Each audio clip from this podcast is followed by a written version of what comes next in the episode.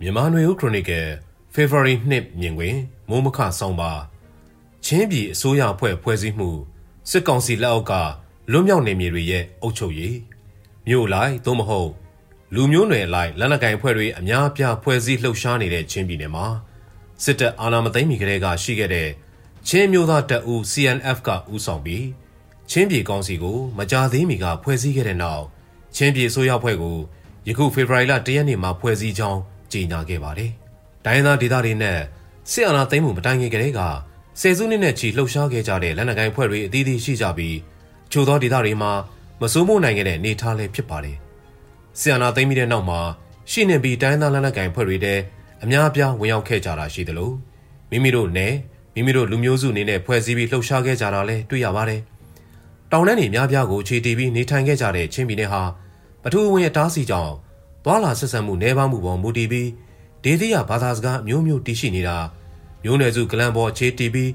လူမှုဖွဲ့စည်းကိုဖွဲ့စည်းတည်ဆောက်ကြတာဖြစ်လို့အခြားသောတိုင်းသားနယ်မြေတွေထက်ပုံမူပြီးတီးခြားဆန်တဲ့ဒလိထုံနှံဥဆောင်မှုတွေနဲ့နေထိုင်ခဲ့ကြတဲ့ဒေသလို့ဆိုရမှာဖြစ်ပါတယ်။ဒါကြောင့်ချင်းပြည်နယ်မှာချင်းမျိုးသားတပ်ဦးလို့ခေါ်ဆိုတဲ့ CNF လက်နက်ကင်ဖွဲ့ဟာဆယ်စုနှစ်9ခု6ခုကလေးကရှိခဲ့ပေမဲ့လေ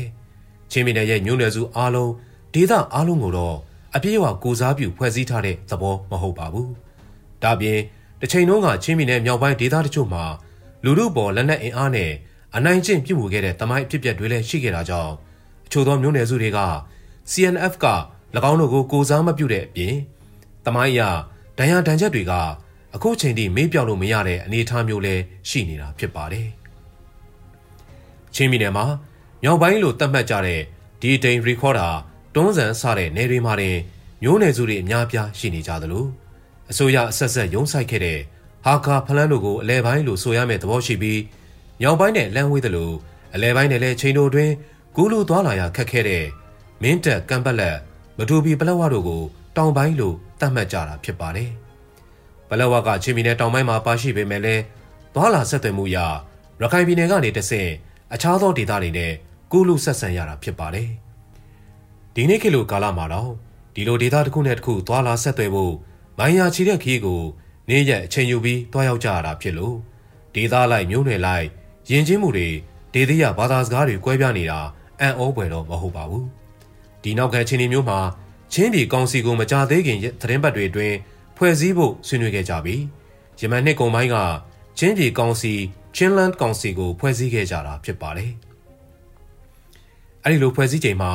ချင်းပြည်နယ်ကမျိုးနွယ်စုအသီးသီးကိုပြည့်စုံအောင်ဖိတ်ကြားဆွေးနွေးနိုင်ခဲ့ခြင်းမရှိတာမျိုးနွယ်စုအသီးသီးကလက်နက်ကိုင်တပ်ဖွဲ့တွေရေပုံရအမိအားဖြင့်ချင်း Defense Force ဆိုတဲ့အဖွဲ့အားလုံးကိုကြဲကြဲပြန့်ပြန့်ဖိတ်ကြားဆွေးနွေးကသဘောတူညီမှုမယူနိုင်ခဲ့ခြင်းချင်းပြည်ကောင်စီရဲ့ကိုယ်စားလှယ်အချိုးအစားခိုးဝင်မှုမှာမျိုးနွယ်စုလိုက်ဒေသလိုက်ညှတစွာထည့်သွင်းခြင်းမရှိဘူးလို့ဝေဖန်မှုတွေပေါ်ထွက်ခဲ့ပြီးအချို့သောဒေသနဲ့မျိုးနွယ်စုတွေကချင်းပြည်ကောင်စီကိုထောက်ခံခြင်းမရှိဘူးလို့ ပြောဆိုခဲ့ကြတာလည်းဖြစ်ပါတယ်။အဲဒီနောက်ဖေဖော်ဝါရီလ၁ရက်နေ့မှာတော့ချင်းပြည်ကောင်စီဖွဲ့ကနေချင်းပြည်အစိုးရဖွဲ့ကိုဖွဲ့စည်းလိုက်ကြောင်းထုတ်ပြန်ကြေညာခဲ့တာဖြစ်ပါတယ်။ချင်းပြည်အစိုးရဖွဲ့မှာဝန်ကြီးဌာန14ခုပါဝင်ပြီးဝန်ကြီးချုပ်တဦးခန့်အပ်ခါရှေ့နေချုပ်တဦးလည်းခန့်အပ်ထားရှိတာကိုတွေ့ရပါတယ်။မြို့သားညီညွတ်ရေးအစိုးရဖွဲ့လိုပဲတရားစင်ကျော်တဲ့ဝန်ကြီးဌာနတွေပါရှိပြီးတော်လိုင်းကာလအစိုးရဆိုတာမျိုးထက်ပုံမှန်အနေထားမျိုးအခင်းချင်းနဲ့ ဇီဝကူတန်ဝန်ကြီးဌာနလိုလျှက်စစ်စွမ်းရင်ဝန်ကြီးဌာနလိုမျိုးပါပါဝင်ဖွဲ့စည်းထားတာကိုတွေ့ရမှာဖြစ်ပါတယ်။ဒိုင်းသားဒေသတွေကလက်နက်ကင်ဖွဲ့တွေနဲ့ရခိုင်ကလေးကအုပ်ချုပ်ရေးဌာနတွေတပ်ဆိုင်ရာတာဝန်ခံတွေဖွဲ့စည်းထားပြီးဖြစ်တဲ့ KIA, KNU, KNLA, MNSP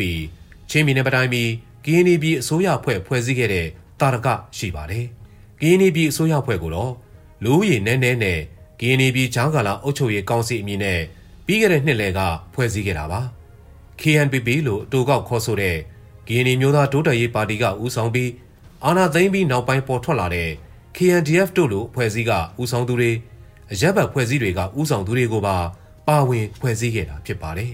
။ရင်းနှီးပြီးဂျာကာလာအုပ်ချုပ်ရေးကောင်စီပြီးနောက်မှာတော့ချင်းပြည်ကောင်စီချင်းပြည်အစိုးရအဖွဲ့ကအသစ်ထွက်ပေါ်လာတဲ့အစိုးရအဖွဲ့ဖြစ်ပြီးဂျာကာလာပုံစံထက်ပုံမှန်ခြေနေမှာဖွဲ့စည်းတဲ့ အစိုးရအဖွဲ့အစည်းတစ်ဖွဲ့ဌာနအများပြားနဲ့ဖွဲ့စည်းခဲ့တာဖြစ်ပါတယ်။စစ်တပ်ရဲ့ဇိုးမုံမှု ထိန်းချုပ်မှုကို အတိုင်းအတာတစ်ခုထိအာခံနိုင်ပြီးအချို့ဒေသတွေမှာဖယ်ရှားထားတဲ့နောက်အုပ်ချုပ်ရေးဖွဲ့စည်းတွေကမရှိမဖြစ်လိုအပ်လာတာဖြစ်ပါတယ်။ဒီနေရာမှာဂျားကာလာဆိုရအဖွဲ့ဖြစ်ကြစ်ကြစ်လက်လက်ဒါမှမဟုတ်ပုံမှန်ကာလအနေထားမျိုးလိုဌာနအစုံနဲ့ဖွဲ့စည်းတာနှမျိုးစလုံးပေါ်ထွက်လာကြတာတွေ့ရမှာဖြစ်ပါတယ်။ဂျားကာလာလို့ဆိုသည်ဖြစ်စေမဆိုသည်ဖြစ်စေ